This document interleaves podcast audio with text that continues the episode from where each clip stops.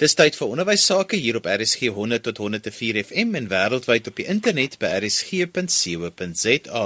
Onthou jy kan ook na ons luister op DStv se audiokanaal 813. Die program is ons in die onderwys saam met my Johan van Lille. Vandag gesels ons verder oor die beheerliggaamsverkiesing wat nou binnekort hier in Maart maand gaan gebeur. Ons het al reeds verlede week 'n bietjie hieroor gesels en jy kan gerus dit gaan aflaai as 'n pot gooi as jy daardie program gemis het. Vandag gesels ek met Dani van Wyk en hy is die bestuurder van die Suid-Afrikaanse Onderwysontwikkelingstrust wat ook 'n vennoot is van FETSAS. Nou Dani was self 'n skoolhoof en is onder andere verantwoordelik ook vir die leerlingrade in die Wes-Kaapse opleiding. Hulle rus leerders toe om hulle plek as leiers vol te staan en ook om hulle rol in die skool se skoolbeheerliggaam te vervul. Dani, kom ons gesels. Die beheerliggaamsverkiesing begin nou binnekort. Hoekom is dit so 'n belangrike gebeurtenis in Suid-Afrika? Ek hoop mense besef die belangrikheid van hierdie verkiesing. Ehm um, dit geskied 3 jaarliks en is 'n baie belangrike en omvangryke verkiesing waaraan meer as 300 000 mense en uh 24 000 skole uh aan uh, uh, betrokke gaan wees en waar die verkiesings gaan plaasvind sodat hulle ouers of voogde en in die geval van hoërskole leerders dan uh verkies om op hierdie skoolbeheerliggame te dien. Ehm um, wat ek ook nog so belangrik maak is dit is die die enigste manier waarop ouers en voogde en en leerders soos ek genoem het 'n inspraak kan kry in die beheer van hulle skole en in en op hierdie wyse die gemeenskap dan ook 'n sê te hê in terme van wat by die skool moet aangaan en hoe die skool beheer moet word en let let wel nie bestuur moet word maar hoe die skool beheer moet word. So dit is 'n baie baie baie belangrike verkiesing en ons wil graag mense aanraai om betrokke te raak en deel te neem aan hierdie verkiesings van die jaar. Nou kom ons praat oor hoe lyk 'n skool waar daar 'n goeie beheerliggaam is wat funksioneel is. Ehm um, ek sou sê dit is 'n skool wat kwaliteit onderrig aan hulle leerders verskaf. Ehm um, waar geleenthede vir die leerders geskep word om hulle volle potensiaal te bereik op akademiese, kulturele en op sportgebied. Uh, ons weet natuurlik dat die skoolbeheerliggaam 'n baie groot rol te speel het in die skool spesifiek rondom beheer en ook hoe die skool daar moet uitsien oor die algemeen. So ek sou sê ehm um, 'n suksesvolle skool of 'n suksesvolle beheerliggaam binne so 'n 'n skool is 'n is 'n beheerliggaam wat sal let op 'n omgewing wat geskep moet word wat invloed moet hê op die gemoedstoestand van daai leerders. 'n Skool waar daar baie goeie kommunikasie tussen die beheerliggaam en die bestuur van die skool is, die een waar die bestuur en beheer op elk weet wat is hulle verskeie verantwoordelikhede en hulle rolle wat hulle te te speel het by die skool. Die skool van beheer van bestuur en die skoolbeheerliggaam in belang of dan nou in bestuur in in in beheer van bestuur van die skool. So hierdie twee moet mekaar aanvul en nie mekaar opneer nie. 'n Skool waar 'n kultuur dus van uitnemendheid vir onderwys en dienslewering en opvoeding geskied. Sou ek sê is 'n skool waar 'n baie goeie beheerliggaam is, Johan. Nou Dani, iets wat baie interessant is in Suid-Afrika is is dat daar hoërskoolleerders ook dien op die skoolbeheerliggaam. Wat is hulle funksie en rol op die beheerliggaam? Ehm um, volgens die Afrikaanse skolewet dien leerders ook op skoolbeheerliggame. Uh hier praat ons spesifiek van leerders wat in die hoërskole is of leerders wat dan nou by 'n skool is waar graad 8 of graad 9 aangebied word. Hierdie leerders het dieselfde status as alle ander lede binne die skoolbeheerliggaam. Byvoorbeeld, ek, ek kan sê dat 'n leerder op 'n skoolbeheerliggaam se status is dieselfde binne die skoolbeheerliggaam as die van 'n prinsipaal of dan nou die onderwyser of selfs die ouer van daardie leerder binne die skoolbeheerliggaam. Die leerder se rol binne daai beliggaam is is juis om ook dan soort van die belange van leerders na die skoolbeheerliggaam te bring wat hulle pla en inspraak dan direk te gee binne die skoolbeheerliggaam van die kant van leerders. Jy moet ook onthou byvoorbeeld dat leerders kan nie sommer net van self op die skoolbeheerliggaam dien nie. Hulle het hulle verkiesings van hulle verteenwoordigende leerderrade waar uit twee leerders dan nou weer verkies word om op die skoolbeheerliggaam te dien. So dis 'n hele proses wat plaasvind alvorens hulle ook uh, uh, uh lede kan word van die skoolbeheerliggaam. Hulle vorm natuurlik ook nie deel van hierdie verkiesings van 1 Maart tot 31 Maart nie. Hulle verkiesings geskied gewoonlik voor die nasionale verkiesings vir, vir verkiesings en ook word hulle op 'n jaarlikse basis by hulle skole verkies. Maar dis nou juist my volgende vraag is hoe die proses werk want ek meen die leerders word dan op uiteindelik 'n ander termyn as wat jou gewone skoolbeheerliggame se termyn dan is. Ja, kyk byvoorbeeld Johan, uh, leerders wissel mos uh, hulle hulle vorder in die skool, hulle verlaat die skool, uh, so daar is 'n voortdurende uh, moontlik 'n uh, uh, rede waarom daar 'n leerder of 'n leerder verkies moet word. Daarom sê jy vind hulle word gewoonlik hier in Oktober maand word die leerderrade verkies om dan nou weer die wat dan nou afval van die rade wat miskien die skool verlaat het of wat na matriek verder gestudeer het om hulle dit dan te vervang. Ons kan nie 'n leerder vir 3 jaar termyn verkies soos byvoorbeeld in die geval van die ouers nie. Hulle soos ek sê, hulle situasie verskil iewers of iets wat anders in daardie geval as wat dit is met die geval van die ouers. Is daar enige vereistes waaraan hierdie leerders moet voldoen om op die beheerliggaam te kan dien en om verkies te kan word? Ja, ons ons weet natuurlik ouetjie moet mos ook nie 'n dissiplinêre saak teen hom hê nie of een of ander uh, ernstige probleem by die skool ver, veroorsaak het nie. Ons kyk veral na leerders wat oor goeie leierskap eienskappe ges, uh, geskied en hulle word gewoonlik oorweeg om in die VRL te dien verkies deur leerders en natuurlik ook later op die skoolbeheer gaan. So ek sou sê dit gaan hier oor leierskap en dit gaan ook hier natuurlik oor goeie gedrag. Uh, jy moet 'n voorbeeld kan wees vir die res van die skool en ook in die gemeenskap. Nou vorm hierdie leerders byvoorbeeld deel van die panele as daar byvoorbeeld aanbevelings moet maak word oor nuwe aanstellings van skoolhoofde, personeellede of is hulle net deel van bepaalde besluite? Hoe werk dit? Kyk in baie gevalle word leerders toegelaat om wel in te sit by die verkiesing van van uh, uh, uh, personeellede en dis meer.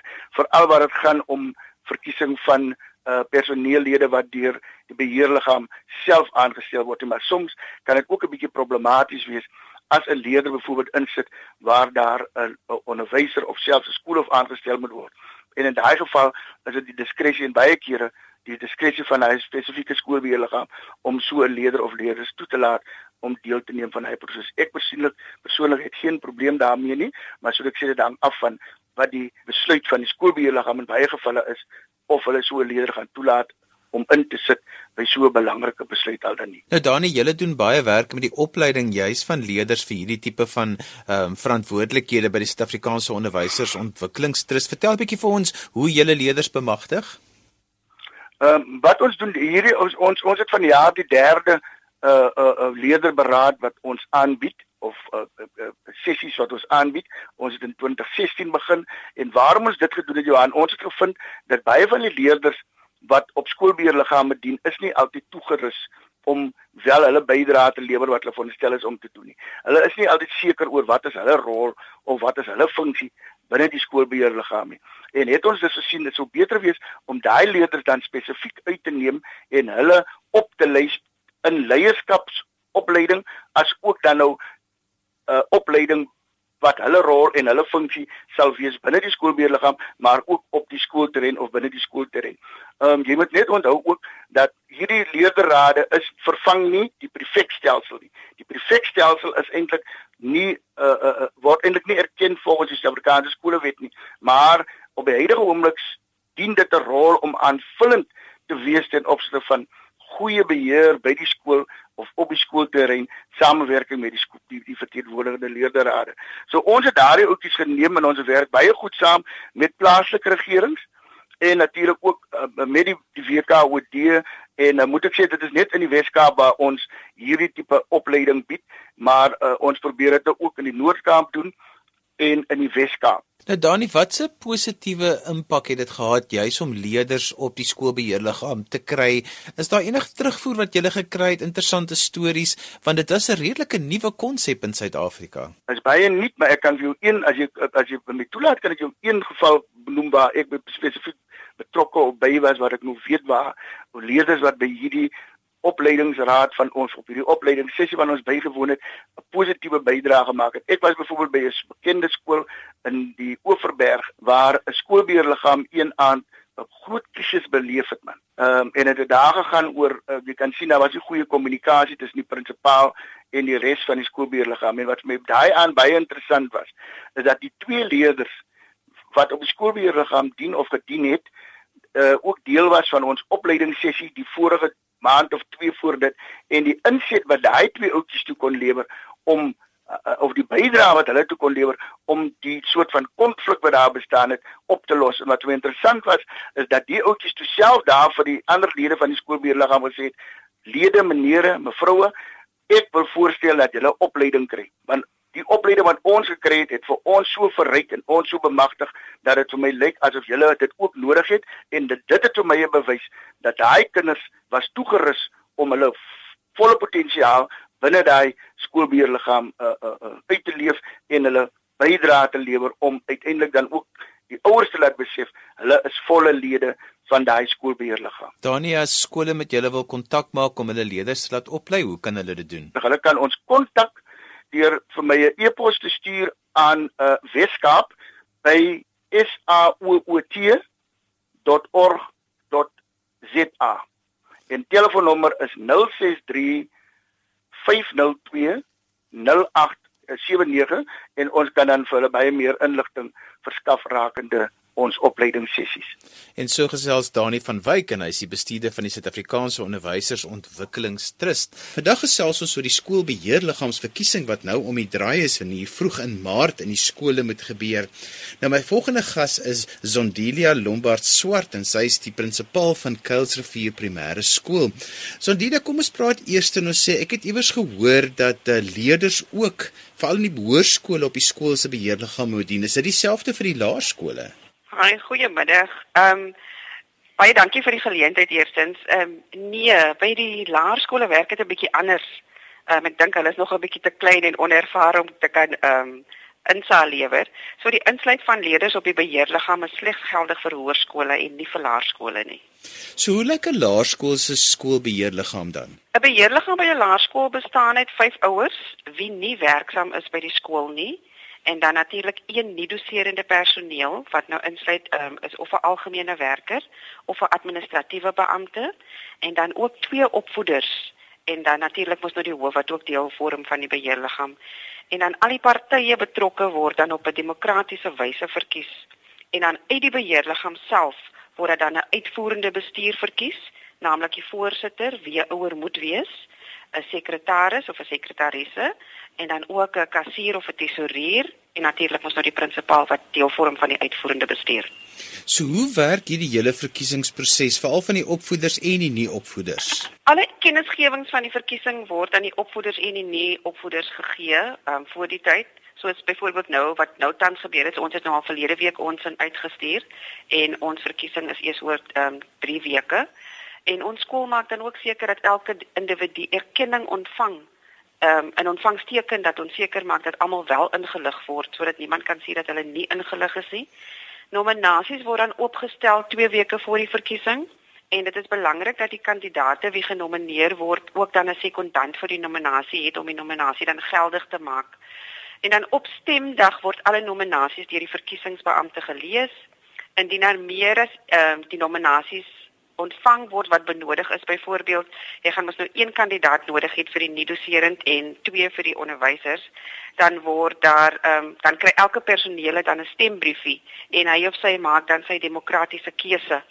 En dan die verkiesingsbeampte na afloop van die stemproses sal aan die stemme tel en aan die persone of die kandidaate met die hoogste tellingstemme word dan verkies om op die beheerliggaam te dien. Nou die betrokkenheid van die gemeenskap by hierdie proses is so belangrik. Hmm, Hoe maak 'n mens seker dat jou gemeenskap betrokke is en die erns hiervan besef? Die rol van die gemeenskap by ons skool is altyd uh om altyd die naam van die skool hoog te hou. Ons vind dat ons ouers baie ondersteunend is en dit is 'n riem onder die hart dat ouers en die personeel van die skool altyd die kind se belange en die toekoms van die kind eerste stel. Dit beïnvloed dus die besluite wat geneem word in die beheerliggaam vergaderings en dit is so belangrik dat daar altyd 'n kommunikasie van ehm um, positiwiteit openbaar word tussen die opvoeders, tussen die skool en tussen die gemeenskap om seker te maak dat wanneer besluite geneem word dit en alles net ten goede van die van die leerders sal wees. Beskryf vir ons hoe lyk 'n ideale lid vir 'n beheerliggaam in julle skool en watter vaardighede en eienskappe soek julle byvoorbeeld? Ehm um, jy weet om e in die eerste plek vind ons dat dit moet iemand wees wie 'n hart en 'n passie vir opvoeding het. En die kandidaat en die persoon moet bereid wees om saam met die skoolpersoneel en nie teen die skool te werk nie.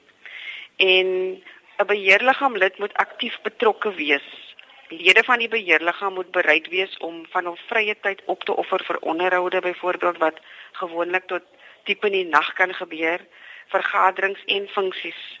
En dan soos vaardighede soos besluitneming, aanspreeklikheid en toerekenbaarheid moet aan die dag gelê word want dit aan die einde van die dag kan 'n beheerliggaam maak of breek. En natuurlik in 'n beheerliggaam vergadering daar gaan definitief verskille in opinies wees, maar wanneer hulle die vergadering lokaal verlaat, moet ons almal uit een mond uit kan praat. En natuurlik moet konfidensiële besprekings beskerm word. Van die einde van die dag word groot besluite geneem en baie kere dit raak dit ook mense se lewens. So dit is belangrik dat 'n beheerliggaam lid altyd ook positief moet bly teenoor wat gebeur in die skool en in die skoolgemeenskap en die pad saam met die skool wil stap om die skool na nuwe hoogtes te neem. Baie mense is mos almal van ons is ongelooflik besig en mense se eerste vraag is gewoonlik hoeveel van die tyd of hoeveel van my tyd gaan dit verg om op die, my kind se skoolbeheerliggaam te wees want ek wil dit graag doen. Ek weet hoe belangrik dit is, maar gaan ek regtig tyd hê daarvoor? So hoe verduidelik julle dit gewoonlik vir die ouers?